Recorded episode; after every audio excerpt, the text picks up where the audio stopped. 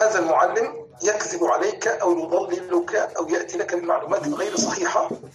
وغالبا هذا الأمر كما ذكرت أن المعلم لابد أن يتحرى الصدق يعني حتى حينما يبحث ويحضر المادة الدراسية ينبغي له أن يأتي إلى أفضل الكتب وأفضل الطبعات وأفضل الأساتذة يعني يتابع كل شيء بصدق بإتقان لقول رسول الله صلى الله عليه وسلم إن الله يحب إذا عمل أحدكم عملا أن يتقنه. العنصر الثالث هنا مطابقة القول للعمل. بعض المقولات تقول على الطالب أن يتأسى بما يسمع وليس بما يرى وهذا كلام مخالف للواقع تماما. فالناس يسمعون بأعينهم. يعني كيف يسمعون بأعينهم؟ عمل الإنسان أكثر تأثيرا في نفوس الطلاب من القول فالكل يجيد القول ويجيد الادعاء ويجيد أن ما يقوله صواب وما يقوله هكذا.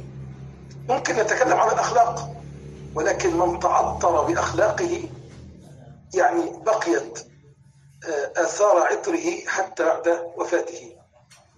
فكلمة تعطر بأخلاقه أي أنه تعطر بأخلاقه أي أنه طبق هذه الأخلاق. ليست العبرة أن تتكلم عن الصدق والأمانة وأنت لا تطبق هذا. تتكلم عن الكذب وأنت من أول الكذابين. تتكلم عن التضحية وأنت لا يمكن تضحي بربية واحدة. تتكلم عن الإخلاص وتعليم الناس وأنت تترك أي مكان وإن كان فيه خير من أجل أي مال.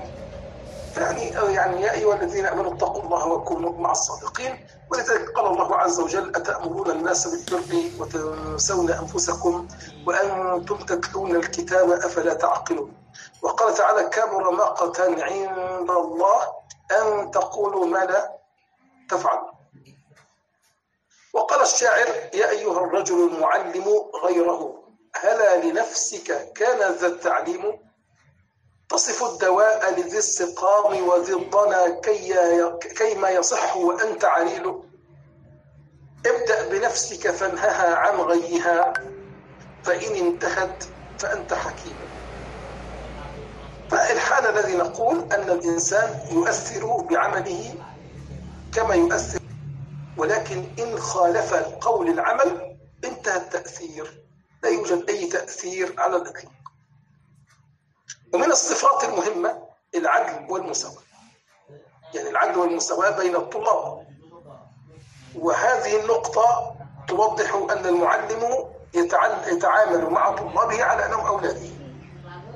فالإنسان كما يعدل بين أبنائه ويطالب بهذا فنحن كمسلمين يجب علينا العدل. ف... يا أيها الذين آمنوا اتقوا الله وكونوا مع الصديقين لكن هنا ولا يجرمنكم شنآن قوم على ألا تعدلوا اعدلوا هو أقرب للتقوى فالعدل أن يكون بين الطلاب جميعا لا تفرق طالب عن طالب. ولكن حقيقة بعض الطلاب هو الذي يبتعد عن المدرس. يعني هناك طالب يسأل وطالب يقترب من المدرس وطالب يبتعد ثم يتكلم عن التفرقة. يا ابني أنت الذي لم تأتي. فأقول لكم العدل مهم حتى في الدرجات. لذلك تجدون الآن في الاختبارات لا يوجد أسماء تكتب يكتب رقم الجلوس فقط. طب لماذا؟ حتى يكون المعلم لما يصحح لا يعرف الأسماء.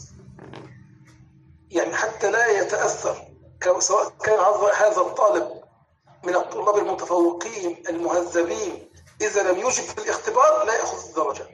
هذا العدل. أنا أعطيته سؤال عليه درجة. أجاب أخذ الدرجة. من لم يجب ليس له درجة. فعلينا أن نستقيم في هذا الأمر. فالعدل مهم لأن المعلم غير العادل معلم يعني يفتقد أداة التواصل بينه وبين الطلاب. ومن الصفات الأخرى التحلي بالأخلاق الفاضلة والحميدة. التحلي بالأخلاق الفاضلة والحميدة يعني لابد إنك تدرك يعني كلمة التحلي بالأخلاق هي تمشي مع كلمة المطابقة بين القول والعمل. التحلي بالأخلاق الحميدة معناها أن هذه تفضل صفة لا تنفك عنك أبدا. و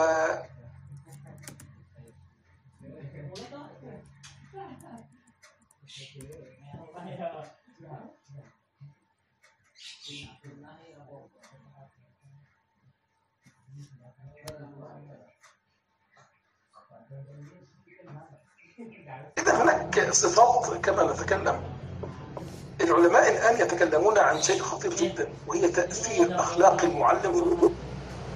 تعرفون آه، بعض المدارس الحديثة في التربية تهتم بأداء المعلم في الفصل. التربية الإسلامية تهتم ليس بالمعلومات ولا بمهارات التدريس ولكن بأخلاق المعلم. ولذلك يعني في كتاب مغني المحتاج في شرح منهاج الطالبين للنووي مغني المحتاج هذا الخطيب الشربيني وهو من أفضل شروح آه، منهاج الطالبين يعني أكثرها وضوحا وعمقا.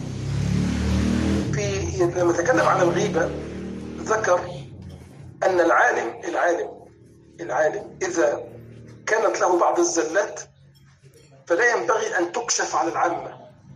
لا ينبغي أن تقول للناس أن فلان من العلماء ارتكب كذا أو ارتكب فاحشة كذا أو أنه كذب في كذا. هذا لا ينبغي أن ينقل للناس. قال لماذا؟ قال لأن العالم العالم إذا نقلت عنه الأخلاق السيئة اقتدى به الناس. ومعنى هذا أي أن المعلم يقتدي به الناس في أخلاقه. فإن كانت الأخلاق حميدة الناس يتبعونه على هذا. وإن كانت أخلاقه سيئة فإن الناس يتبعونه على هذا. ويقولون أن هذا العالم الذي يحفظ القرآن الكريم قد أخطأ في كذا وقد تسهل في بعض الأمور وهذا يسهل المعاصي. لذلك قالوا نعم يحل يعني الفاسق المجاهر بالمعصية هذا لا غيبة له. لكن في نفس التوقيت العالم إذا أخطأ وكانت له بعض الزلات الأخلاقية لا ينبغي أن تنشر للناس. هذا معنى كلام المعلم يعني تحت تعلم أن المعلم لابد أن يكون كذلك. آه ذكر أن عالم يعني معلم له مكانة كبيرة في الأمة. كان أحد الأولى كان يريد أن يجبر الناس على أكل لحم الخنزير. هذه قصة افتراضية يعني. لا أعرف هل حدثت فعلا أم لا لكنه نقلها الغزالي في إحياء علوم الدين من قبل. لكن لا أعلم أن القصة وقعت. لكن فيها عظة أن أحد العلماء والمعلمين هؤلاء رفض أكل لحم الخنزير وذكر أن هذا حرام في الشرع وذكر أدلته ووضح للناس هذا الأمر جاء الملك بهذا العالم وأمره أن يأكل من لحم الخنزير فرفض فأعطاه فرصة لمدة يوم إن لم يفعل سيقتله. طباخ الملك رجل مسلم متدين ذهب إلى هذا العالم وقال له في الصباح حينما يأمرك أن تأكل من لحم الخنزير كل لأنه لن يكون لحم خنزير. أنا سأستبدل لحم الخنزير بلحم الغنم. واتفق على هذا. حتى ينجو هذا العالم من القتل على يد هذا الملك الظالم. في الصباح جاء الطباخ بلحم الغنم كما اتفقوا. وأمر الملك هذا العالم أن يأكل من لحم الخنزير لأن الملك كان يعتقد أن اللحم الذي وضع أمامه هو لحم خنزير. لكن العالم رفض أن يأكل. رفض أن يأكل. فقال له هذا الطباخ أيها العالم ألم أخبرك ألم أخبرك أن هذا ليس لحم خنزير؟ إنه لحم غنم. فقال له هذا العالم نعم أعرف. أنت تعرف أنه لحم غنم؟ وأنا أعرف أنه لحم غنم. ولكن الناس لا يعرفون أنه لحم غنم. فسيقول الناس العالم أكل من لحم الخنزير. ويتبعوني على هذا. فرفض أن يأكل لأن الناس يقتضون بالعلماء. الشاهد في هذه القصة أن المعلم قدوة فيجب أن يتحلل بالأخلاق الحميدة والأخلاق الفاضلة ويبتعد عن الأخلاق السيئة بل عليه أن يتورع حتى عن الشبهات فإن كان في المسألة رأيان أخذ بأورع بأورعهما وأخذ بأفضلهما من أجل أن يكون تنقل الأخلاق قبل أن تنقل المعلومات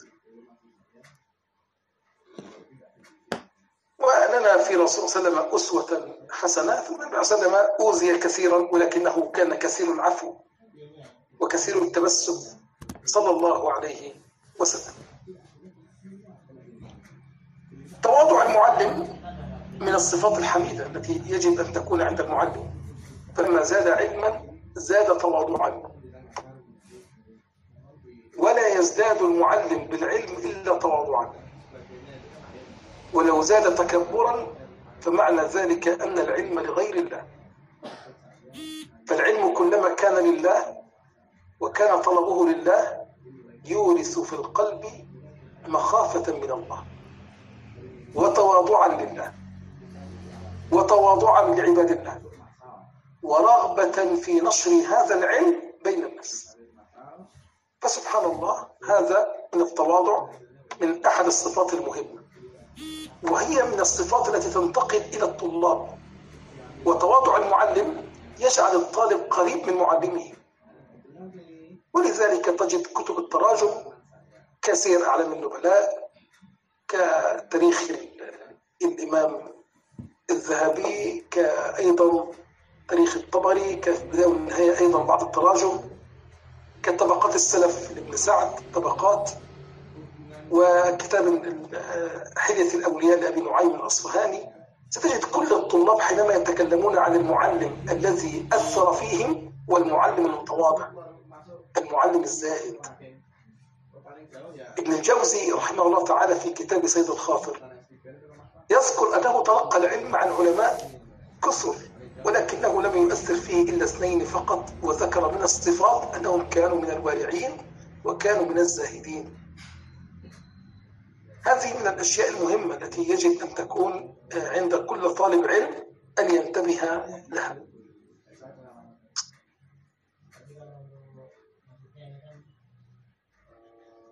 طيب قال النبي صلى الله عليه وسلم إن الله أوحى إلي أن تواضعوا حتى لا يفخر أحد على أحد ولا يبقي أحد على أحد. طيب ولذلك تجد النبي صلى الله عليه وسلم يقول ما بعث الله نبيا إلا رعى الغنم. انظر رعاية الغنم هذه كانت وظيفة الأنبياء سبحان الله. قال أصحابه وأنت؟ فقال نعم كنت أرعاها على قرارية لأهل مكة. طيب ندخل إلى أمر آخر هنا. الفرق بين لو كان المعلم عنده تكبر هذا يجعله لا يقبل الحق يعني نفترض أن المعلم أخطأ في شيء وأراد طالب العلم أن يراجعه أو يذكره بطريقة مهذبة أن هذا الرأي أو هذا الحديث ضعيف أو أن الذي نقله غير صحيح. إذا كان المعلم لديه تكبر تكبر لن يقبل الحق من أحد بل سيتكبر على هذا الطالب.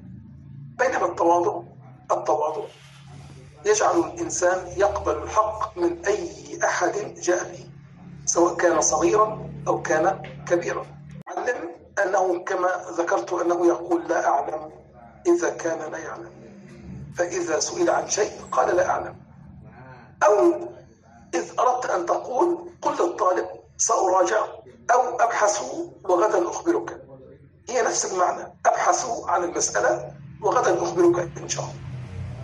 هذا إذا أردت أن ترجع وكنت تستحي من كلمة لا أعلم ولكن كلما زاد دين الرجل قال لا أعلم وقال لا أدري. سئل الإمام مالك رحمه الله تعالى عن أربعين مسألة. جاءه رجل من المغرب من يسير في رحلة شاقة ليسأل الإمام مالك عن أربعين مسألة. فلم يجب مالك إلا عن أربعة. وكان يقول في باقي المسائل لا أعلم لا أدري لا أعلم. فقال الرجل ماذا أقول للناس؟ قال قل لهم أن الإمام مالك لا يعلم. لأنه يخشى يخشى أن يتكلم في الدين بما لا يعلم. المشكلة أن الآن آه، جوجل وبعض المواقع جعلت كثير من الناس يتجرأ على الدين. يعني ممكن يبحث عن المسألة في خمس دقائق ثم يفتي. يعني يعطي نفسه فترة حتى يتمهل. ما دام الأمر خاص بالكلام عن رب العالمين كما ألف ابن القيم رحمه الله تعالى كتاب إعلام الموقعين عن رب العالمين. تخيل أن أنت الآن توقع سأعطيك ورقة توقع. أنت توقع عن رب العالمين. فاتق الله ألا تكون متيقنا أو قد بحثت وبذلت جهدا في الوصول إلى المعنى وذكروا شجاعة المعلم والشجاعة هنا الشجاعة الأدبية أنه إذا أخطأ أن يعتذر. ما رأيكم؟ إذا أخطأ المعلم في حق الطالب من باب التربية أن يقول أخطأت ما المشكلة؟ أن يعتذر إن أخطأ ما المشكلة؟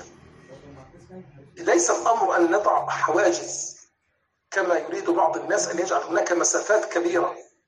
المعلم قدوة والقدوة إذا أخطأ اعتذر.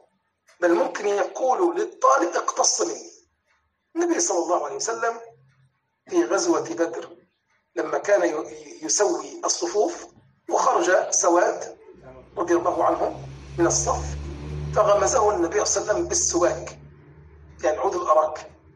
وليست يعني ليس مؤذيا ولكن سواد. يعني قال ألمتني بالعود يا خير الورى. تعرفون الوجوه الرائعة التي تصور هذا المشهد. فالنبي صلى الله عليه وسلم يمكنه منه ويكشف عن بطنه ويقول اقتص به فالشاهد إذا كان رسول الله صلى الله عليه وسلم يفعل هذا فكيف بالمعلم؟ لكن للأسف نحن الآن لدينا من يريد تقديس المعلم بشكل لا ينبغي لنا؟ المعلم قدوة والقدوة لابد أن تكون قريبة من الناس ولابد أن تكون قريبة من الشرع الكريم. هذه نقطة مهمة لابد أن يكون لدينا وعي بها.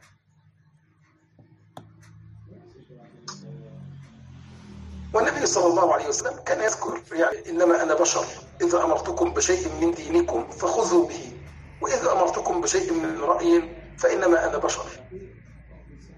والنبي لما قال لهم عن تأبير النخل كيف يصنعون في النخل فلم يثمر فقال أنتم أعلم بأمور دنياكم.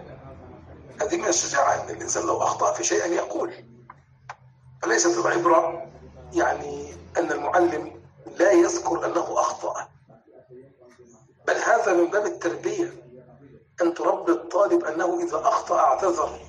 وإذا أخطأ اعترف وإذا أخطأ تدارك خطأه. لكن حينما يدعي المعلم أنه يعلم يعلم يعلم فإنه يربي في الطالب التكبر ويربي فيه يعني ادعاء شيء ليس فيه. أيضا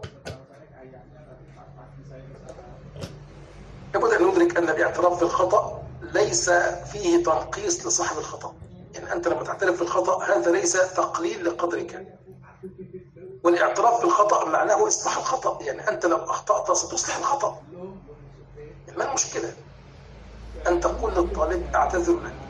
إن أخطأت فيه. لأن المعلم بشر. يعني أنا ممكن أخطئ مع طالب ممكن أغضب أحيانا. فلو غضبت غضبت ورفعت صوتي أحيانا فماذا أقول؟ خلاص أتدرك الأمر وأقول للطالب أمام الطلاب جميعا أنا أعتذر لك. المشكلة؟ وابني في النهاية. فالأب قد يغضب على ابنه. لكن لابد أن يعتذر. يعني أنا حتى أولادي في البيت أعتذر لهم من أخطأ. فلابد أن يكون الأمر كذلك. يعني مثلا لو أن يعني ابنتي فعلت شيء لا يستحق الغضب الشديد. ولكنني ممكن أكون لدي ضغط في أشياء كثيرة. ففعلت ثم العمل أعتذر له. بل أقبل يعني يعني رأسها وأمزح معها مرة أخرى وأعتذر ما المشكلة؟ نحن بشر كلنا نخطئ. فعلينا أن ندرك هذا الكلام. فالاعتراف بالخطأ يرفع من قدر صاحبه لا ينزل من قدر صاحبه. ولكن بعض الناس لا يدرك هذه المعاني. لا يدرك هذه المعاني. الأمر الآخر الصبر واحتمال الغضب. يعني لو أننا نفترض الآن يعني شخص أخطأ فيك وأهانك أو طالب علم رد على المعلم بطريقة غير لائقة. هل الصواب أن المعلم المربي يبدأ بالعقاب أو يبدأ بالإصلاح؟ الطالب أخطأ. تكلم مع المعلم بطريقة خاطئة فما العمل؟ كثير من المدرسين لا يعفون عن طالب العلم. طب لماذا؟ لأنك ترى نفسك كبيرا. لكن لو أنك تتأسى بالنبي صلى الله عليه وسلم عليك أن تعفو وتحاول أن تصلح. وعامل الطلاب على أنهم أولادك فأولادك قد يخطئون. وقد يعني يخطئون في الرد وقد يجيبون إجابات غير صحيحة. فهل تطرد الولد خارج حياتك أم أنك تحاول الإصلاح لأنه ولدك؟ كذلك طالب العلم هو ابنك دمك ولحمك لكنه ابنك وامتداد لحياتك العلمية. امتداد لدينك وامتداد آه، للحياة العلمية للعالم. وهنا لماذا هذا الكلام؟ لماذا احتمال الغضب؟ لأن الناس يأتون يعني يختلفون. يعني انظروا أنتم في أندونيسيا مثلا. أنتم تختلفون في الطباع حسب الجزر. يعني هناك جزر هادئة يعني تتقبل الكلام وهناك جزر بعض الطلاب قد يكون من بعض الأماكن التي فيها عنف يعني أصلا سريع الغضب. و... والناس حتى في في كل مكان ليسوا سواء. بما أن المعلم إذا يتعامل مع فئات كثيرة شيء طبيعي أن تجد في كل فصل أو في كل دفعة طالب يكون سريع الغضب. أو طالب لا يتعامل بشكل لائق. أذكر أن أحد الطلاب من قبل يعني وتخرج من سنوات طويلة لكن هداه الله كان له ربط في مرة أخطأ في الفصل وطردته من الفصل. يعني طردته من الفصل وكان ممكن أرجعه مرة أخرى يعني. لكن هذا الولد لم ينتظر يعني هذا الطالب يعني لم ينتظر حتى يعني هو أخطأ. يعني أخطأ خطأ كبير يعني وكانت السبب أنني أخرجته خارج الفصل. فأرسل طالبا إلي طالب من زملائي. فبدلا من أن يعتذر يعتذر.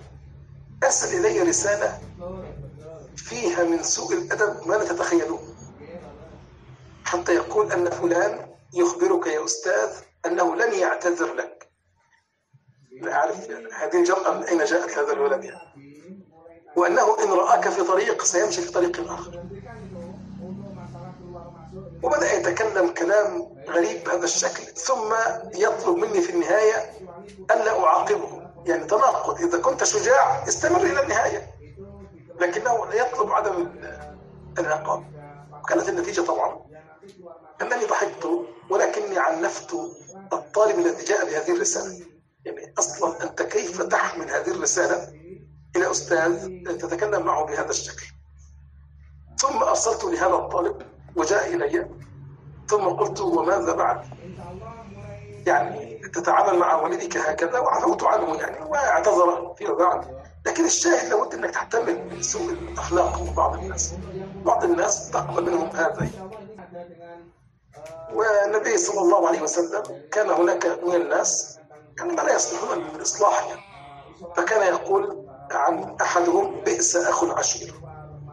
بئس أخو العشير. فشر الناس من يعامله الناس؟ اتقاء شره. يعني الناس يحسنون له في المعاملة ليس من أجل أخلاقه الحميدة ولكن اتقاء شره.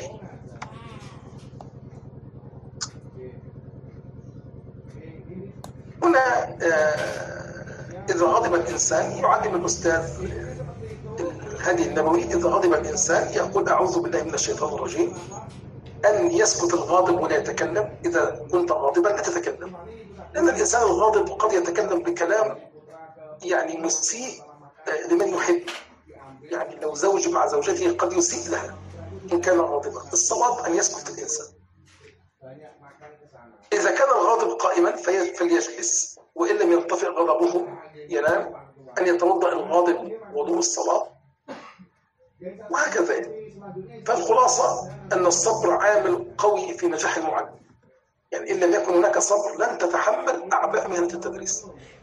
العلماء التربية الآن يح- يحللون أصعب الوظائف في العالم. أصعب وظيفة في العالم. جاء التدريس المهنة رقم اثنين. يعني أصعب الوظائف وجدوها عمال المناجم. الذين يعملون تحت الأرض في الجبال التنقيب عن المعادن. وجدوا الوظيفة الثانية التي فيها خطورة هي وظيفة التدريس. وهناك دراسات كثيرة تكلمت عن الاحتراق النفسي للمعلم. المعلم يتعب يحضر في البيت ويدرس الطلاب ويتعرض للإيذاء و... ومهما كانت ظروفه فإنه لابد أن يشرح ويعلم ولابد أن يحتسب. معلم تجنب الكلام الفاحش البذيء. يعني إذا كان حتى يجوز ينبغي أن تتجنبه. يعني لابد أن تتخير من الألفاظ أعذبها وأفضلها وإياك أن يعني تكثر من الكلام حتى الكلام الذي يقال مثلا في المجتمع الأندونيسي في اللغة العامية قد يقال لديكم بعض الألفاظ التي هي ليس فيها من الاحترام. موجود يعني ليست تقال هكذا الصواب أنك لو تكلمت لابد أن تتكلم أنت كمعلم تختار أفضل الألفاظ. قال الله عز وجل وقل لعبادي يقول التي هي أحسن. إن الشيطان ينزغ بينهم. فالإنسان يجب أن يختار أفضل الألفاظ. ومن الأشياء من تجنب الكلام الفاحش والبذيء السخرية. قال الله عز وجل يا أيها الذين آمنوا لا يسخر قوم من قوم عسى أن يكونوا خيرا منهم. ولا نساء من نساء عسى أن يكون خيرا منهن ولا تلمزوا أنفسكم ولا تنبزوا بالألقاب. بئس الاسم الفسوق بعد الإيمان. أيضا اللعن والس- والسباب لابد أن يبتعد عنه والفحش البذيء. ليس المؤمن بالطعان ولا اللعان ولا الفاحش ولا البذيء. صدق رسول الله صلى الله عليه وسلم. هذه أشياء يجب أن يتجنبها المعلم ولا يتأسى بها على الإطلاق. شباب نكتفي بهذا القدر. إن شاء الله في الأسبوع القادم سنكمل ندخل في أشياء أخرى. آه، لكن لا زلت أشعر بتعب منذ جئت من السفر. إن شاء الله في المحاضرات القادمة نكمل وننتهي من هذا المنهج ونأخذ أشياء أخرى كثيرة جدا. أنا سعدت باللقاء معكم والتدريس معكم. أقول جزاكم الله خيرا. وأسعدكم الله عز وجل ووفقكم الله عز وجل لما يحبه ويرضاه. نسأل الله أن يعلمنا أن يرزقنا أن يزدنا علما وأن يرزقنا أن نعمل بما علمنا. نقول السلام عليكم ورحمة الله وبركاته. بارك الله فيكم وعليكم السلام ورحمة الله وبركاته.